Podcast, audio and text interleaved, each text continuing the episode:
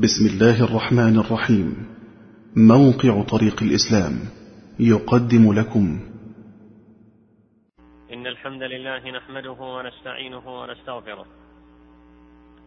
ونعوذ بالله تعالى من شرور أنفسنا ومن سيئات أعمالنا. من يهده الله فلا مضل له ومن يضلل فلا هادي له. وأشهد أن لا إله إلا الله وحده لا شريك له. وأشهد أن نبينا محمدا عبده ورسوله. يا أيها الذين آمنوا اتقوا الله حق تقاته ولا تموتن إلا وأنتم مسلمون. يا أيها الناس اتقوا ربكم الذي خلقكم من نفس واحدة وخلق منها زوجها وبث منهما رجالا كثيرا ونساء. واتقوا الله الذي تساءلون به والأرحام. إن الله كان عليكم رقيبا. يا أيها الذين آمنوا اتقوا الله وقولوا قولا سديدا. يصلح لكم أعمالكم ويغفر لكم ذنوبكم. ومن يطع الله ورسوله فقد فاز فوزا عظيما. أما بعد أيها المسلمون قال الله تعالى يا أيها الناس إن وعد الله حق.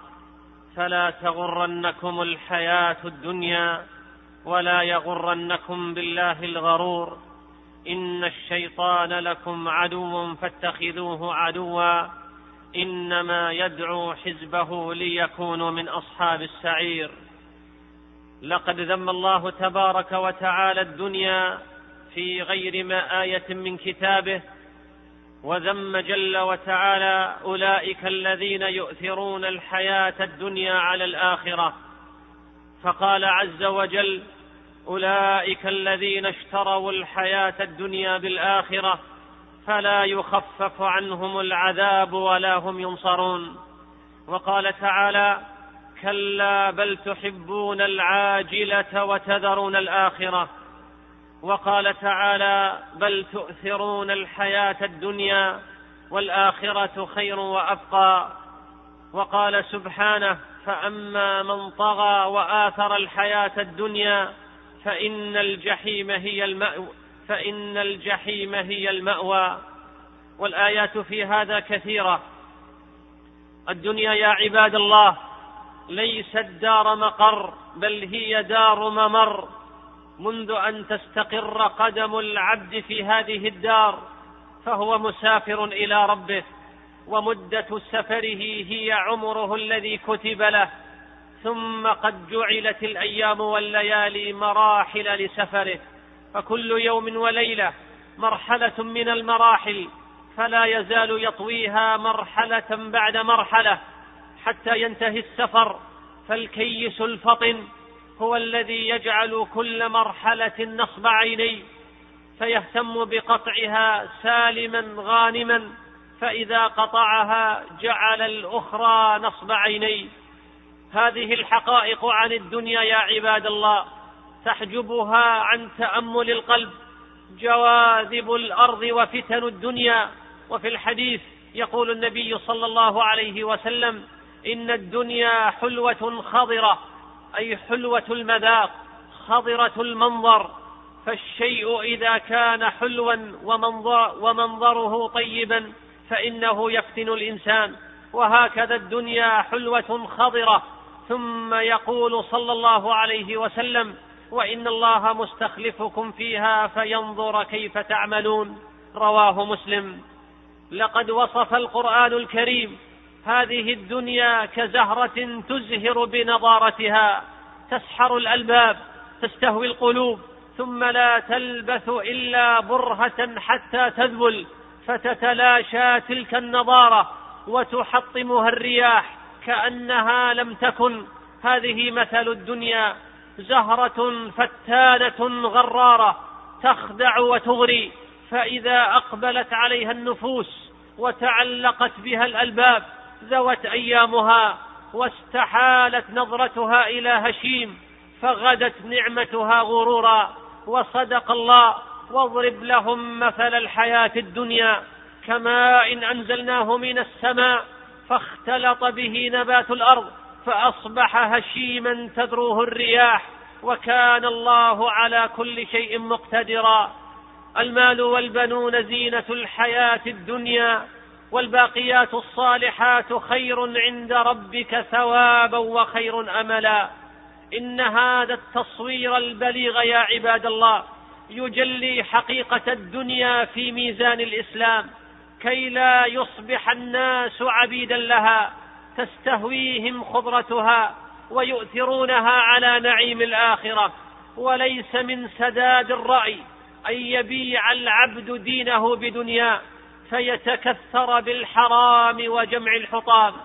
يتراكض الناس في طلب الدنيا خوفا من فواتها وطمعا في المزيد ويبذلون الأوقات النفيسة ويقاسون شدة الطلب بينما قد يفرطون في الصلاة ويقعدون عن الجماعة ويتساهلون في الطاعة ويتثاقلون في البذل والإنفاق. لقد كان النبي صلى الله عليه وسلم يتخوف من فتح الدنيا على أمته يخاف عليهم الإفتنان بها. فعن عمرو بن عوف أن النبي صلى الله عليه وسلم قال للأنصار لما جاءه مال من البحرين أبشروا وأمنوا بما يسركم فوالله ما الفقر أخشى عليكم ولكني أخشى أن تبسط عليكم الدنيا كما بسطت على من كان قبلكم. فتتنافسوها كما تنافسوها وتهلككم كما أهلكتهم. أخرجه البخاري. وفي صحيح مسلم عن عبد الله بن عمرو أن النبي صلى الله عليه وسلم قال إذا فتحت عليكم فارس والروم أي قوم أنتم؟ فقال عبد الرحمن بن عوف نقول كما أمرنا الله. فقال الرسول صلى الله عليه وسلم أو غير ذلك تتنافسون ثم تتحاسدون ثم تتدابرون ثم تتباغضون. هذه يا عباد الله بعض آثار بسط الدنيا. تنافس ثم تحاسد ثم تقاتل وسفك للدماء. ومن آثارها الانغماس في الترف ونسيان الله والدار الآخرة. والسقوط في المعاصي والآثام. قال مالك بن دينار رحمه الله بقدر ما تحزن للدنيا يخرج هم الآخرة من قلبك وبقدر ما تحزن للآخرة يخرج هم الدنيا من قلبك. طغى حب الدنيا على قلوب بعض الناس واستهوتهم خضرتها يصرف لها همه يحرك فيها همته عبدوها من دون الله. آثروها على متعة الآخرة وفيهم يقول النبي صلى الله عليه وسلم تعس عبد الدينار وعبد الدرهم وعبد الخميصة إن أعطي رضي وإن لم يعط سخط أخرجه البخاري في صحيحه إنها الدنيا يا عباد الله لا تصفو لشارب ولا تبقى لصاحب ولا تخلو من فتنة ولا من محنة. فأعرض عنها قبل أن تعرض عنك واستبدل بها قبل أن تستبدل بك فإن نعيمها يتنقل وأحوالها تتبدل. إنها الدنيا يا عباد الله ظل زائل وسراب راحل غناها مصيره إلى فقر وفرحها يؤول إلى ترح وهيهات أن يدوم بها قرار. وتلك سنة الله تعالى في خلقه أيام يداولها بين الناس ليعلم الله الذين آمنوا ويمحق الكافرين إنما هي منازل فراحل ونازل وهي بزينتها وبريقها ونعيمها إنما هي كما قال الأول أحلام نوم أو كظل زائل إن اللبيب بمثلها لا يخدع. إنها الدنيا يا عباد الله حلالها حساب وحرامها عقاب. المكدود فيها شقي إن ظفر ومحروم إن خاب. إن أخذ مال إن أخذ مالها من حله حوسب عليه وإن أخذه من حرام عذب به. من استغنى فيها فتن ومن ومن افتقر فيها حزن ومن أحبها أذلت ومن تبعها أعمت. هي الدار دار الأذى والقذى ودار الفناء ودار الغير. فلو نلتها بحذافيرها لمت ولم تقض منها الوطر. إنها الدنيا يا عباد الله. ليست بدار قرار. كتب الله عليها الفناء وكتب على أهلها فيها الضعن. فالركون إليها خطر والثقة بها غرر. كثيرة التغيير سريعه التنكير شديدة المكر دائمة الغدر. أمانيها كاذبة وآمالها باطلة. عيشها نكد وصوف وصفوها كدر. والمرء منها على خطر إما نعمة زائلة أو بلية نازلة أو مصيبة موجعة أو ميتة قاضية ما هي إلا أيام معدودة وآجال مكتوبة وأنفاس محدودة وأعمال مشهودة إن أضحكت قليلا أبكت كثيرا وإن سرت يوما ساءت أشهرا وأعواما وإن متعت قليلا منعت طويلا. وما حصل وما حصلت للعبد فيها سرورا إلا خبأت له شرورا ولا ملأت بيتا فرحا إلا ملأته ترحا وحزنا. يا قوم إنما هذه الحياة الدنيا متاع وإن الآخرة هي دار القرار. إنها الدنيا يا عباد الله. كم ذهبت لأجلها من نفوس وكم تطاير من رؤوس وكم سحق من جماجم وكم أريق من دماء وكم شرد من أناس وكم عذب من أقوام وما ارتقى المسلمون إلا حينما تجافوا عن الدنيا وأقبلوا على الآخرة. وما خفضت رؤوسهم ونكست أعلامهم وذهبت عزتهم إلا حينما رضوا بالحياة الدنيا من الآخرة. فأقبلوا عليها وتنافسوا فيها وتركوا الجهاد وأكلوا الربا وأخذوا بأذناب البقر. إنها الدنيا يا عباد الله ظل الغمام وحلم النيام. من عرفها ثم طلبها فقد أخطأ الطريق وحرم التوفيق. قال صلى الله عليه وسلم الدنيا ملعونة ملعون ما فيها إلا ذكر الله تعالى وما والاه وعالما ومتعلما. رواه الترمذي. قيل لأحدهم ترك فلان بعد وفاته مائه ألف درهم فقال ولكنها لا تترك. فالسعيد من اعتبر بأمسه واستظهر لنفسه والشقي من جمع لغيره وبخل على نفسه. ليس لك يا ابن آدم من مالك إلا ما أكلت فأفنيت أو لبست فأبليت أو تصدقت فأمضيت. فالعاقل لا ينخدع بها. بل يعتبر بمن مضى من الأمم السالفة والقرون الماضية كيف عفت آثارهم واضمحلت أنباؤهم عمر الدنيا في جنب الآخرة قليل. قال الله تعالى وفرحوا بالحياة الدنيا وما الحياة الدنيا في الآخرة إلا متاع. وعن المستورد بن شداد رضي الله عنه قال قال رسول الله صلى الله عليه وسلم ما الدنيا في الآخرة إلا مثل ما يجعل أحدكم إصبعه في اليم فلينظر بماذا يرجع رواه الترمذي. وفي حديث ابن مسعود رضي الله عنه اضطجع النبي صلى الله عليه وسلم على حصير فأثر في جنبه فقيل له ألا نأتيك بشيء يقيك منه يقيك منه؟ فقال ما لي وللدنيا إنما أنا والدنيا. كراكب استظل تحت شجرة ثم راح وتركها. رواه البخاري في صحيحه. لقد فتح يا عباد الله. لقد فتح على الناس من زهرة الدنيا وزينتها في أيامنا المتأخرة. ما لم تر البشرية زينة ولا فتنة ولا بهرجا قبلها. فتن محدقة وشهوات مغرقة وقنوات هابطة وشاشات مدمرة. زينت الشهوات وقربت الملذات. وأصبح الملتزم بدينه والمحافظ على نفسه وأهله كالقابض على الجمر. فيا بشرى فيا بشرى لمن صان نفسه وحفظ دينه وطهر بيته وصدق في تربيته. قال الله تعالى واستعينوا بالصبر والصلاة وإنها لكبيرة إلا على الخاشعين.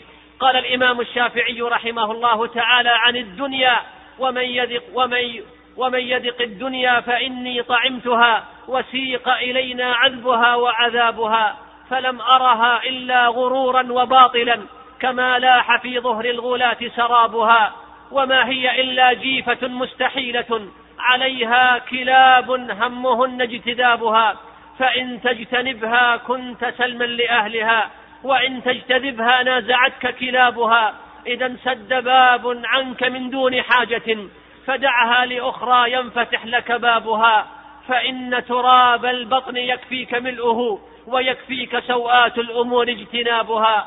فطوبى لنفس فطوبى لنفس أوطنت قعر بيتها مغلقة الأبواب مرخي حجابها. فما تخرب الدنيا بموت شرارها ولكن بموت الأكرمين خرابها. أيها المسلمون ولا يفهم مما سبق ترك السعي في عمران الدنيا وبنائها الحضاري والانتفاع من خيراتها.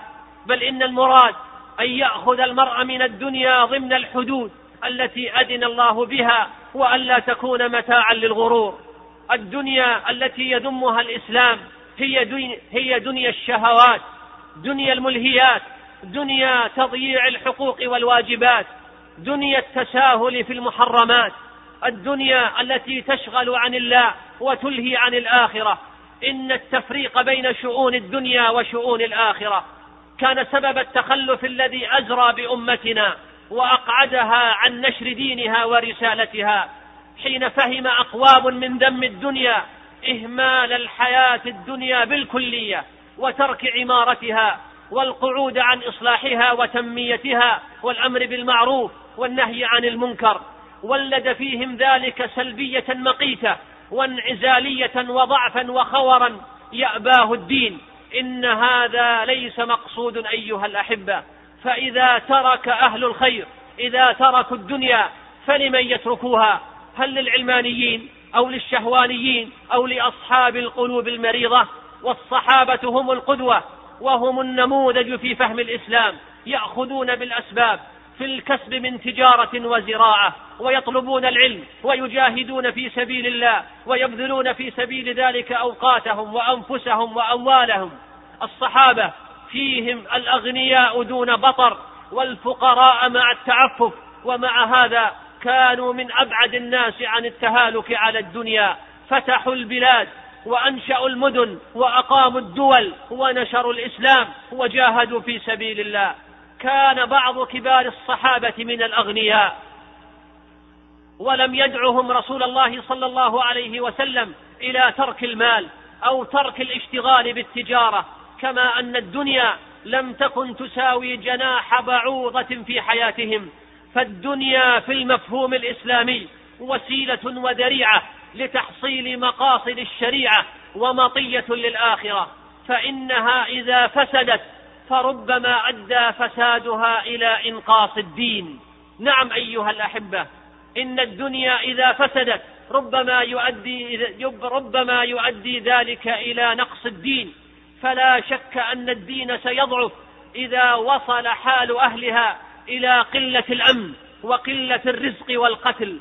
فلا يقبل أن يقول مسلم أنا أحفظ ديني وأدع الدنيا يعبث بها ويفسد فيها. لأن من صلحت حاله مع فساد الدنيا واختلال أمورها لن يعدم أن يتعدى إليه فسادها ويقدح فيه اختلالها لأنه منها يستمد. ذم رجل الدنيا عند علي بن أبي طالب رضي الله عنه فقال له الدنيا دار صدق لمن صدقها ودار نجاح لمن فهم عنها ودار غنى لمن تزود منها. هي مهبط وحي الله ومصلى ملائكته ومسجد أنبيائه ومتجر أوليائه. ربحوا منها الرحمة واحتسبوا فيها الجنة. قال الله تعالى وابتغ فيما آتاك الله الدار الآخرة ولا تنس نصيبك من الدنيا وأحسن كما أحسن الله إليك.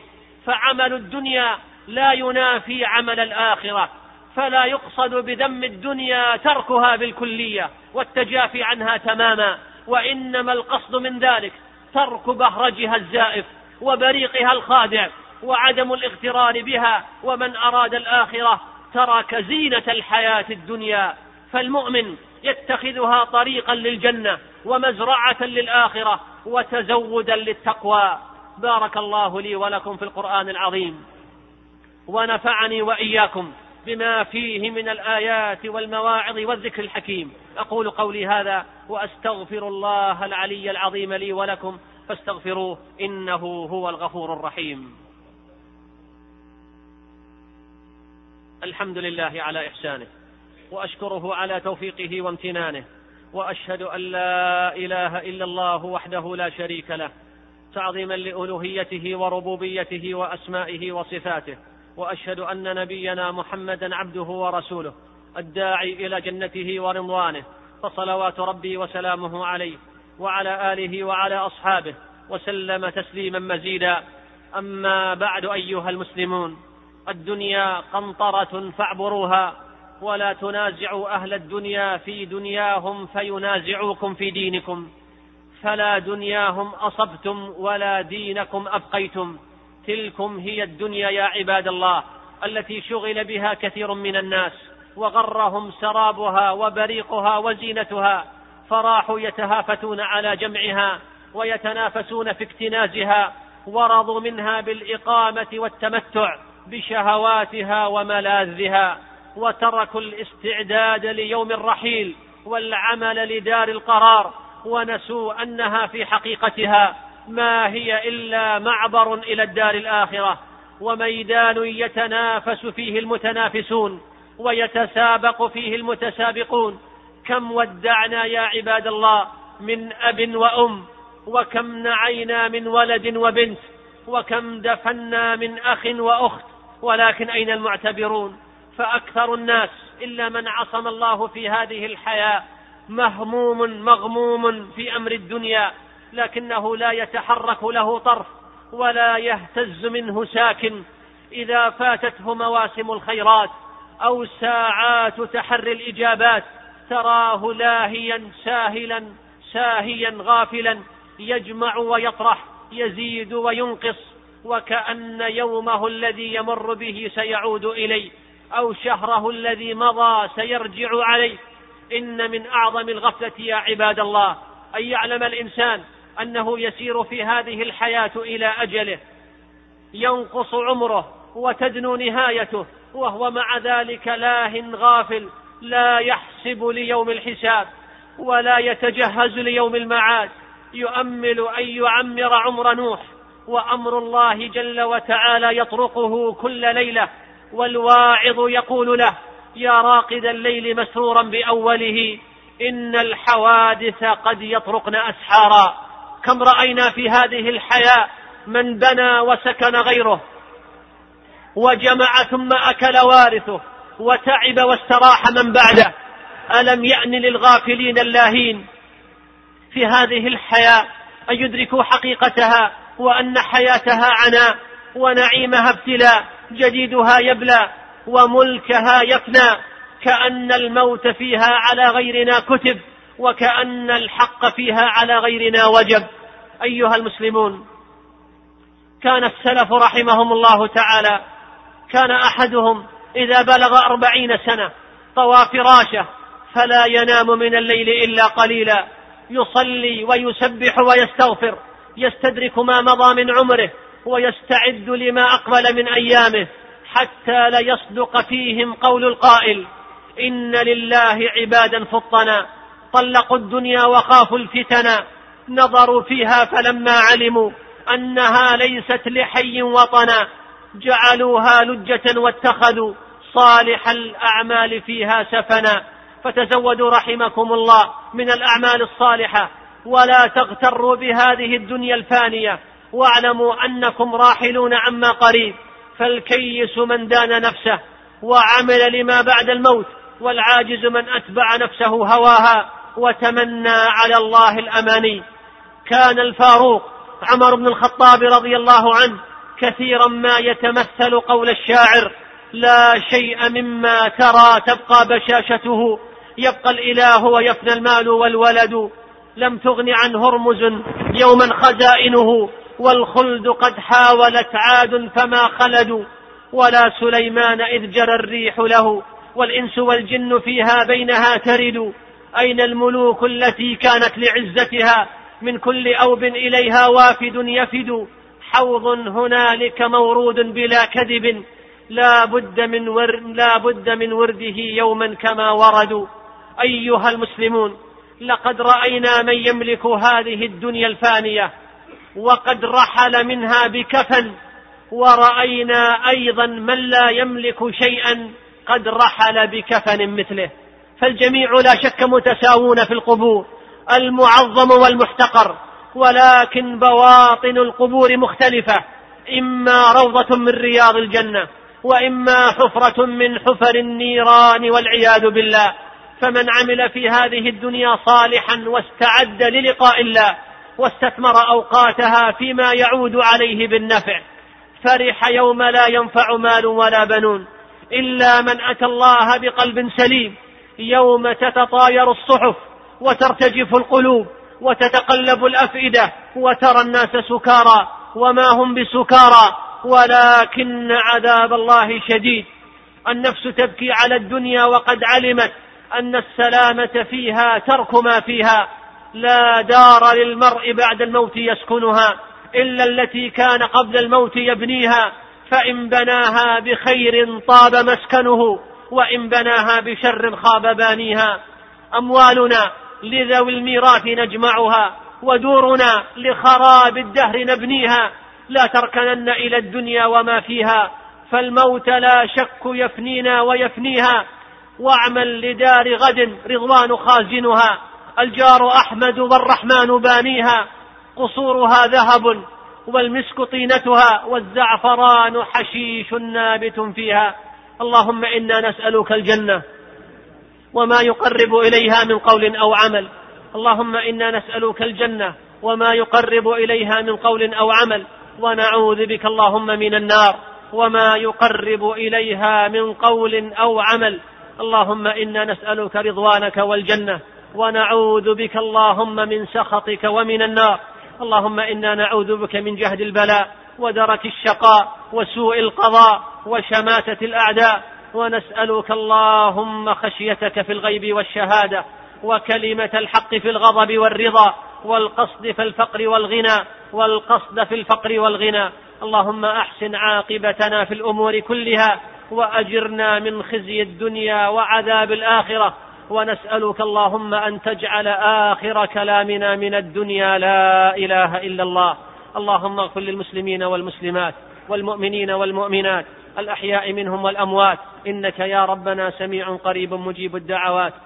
اللهم اللهم اغفر لآبائنا. اللهم اغفر لآبائنا. واغفر اللهم لأمهاتنا ولعلمائنا ولمن له حق علينا.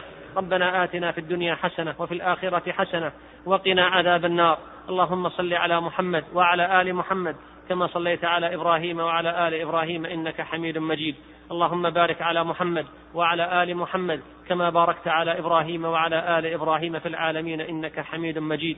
وآخر دعوانا أن الحمد لله رب العالمين.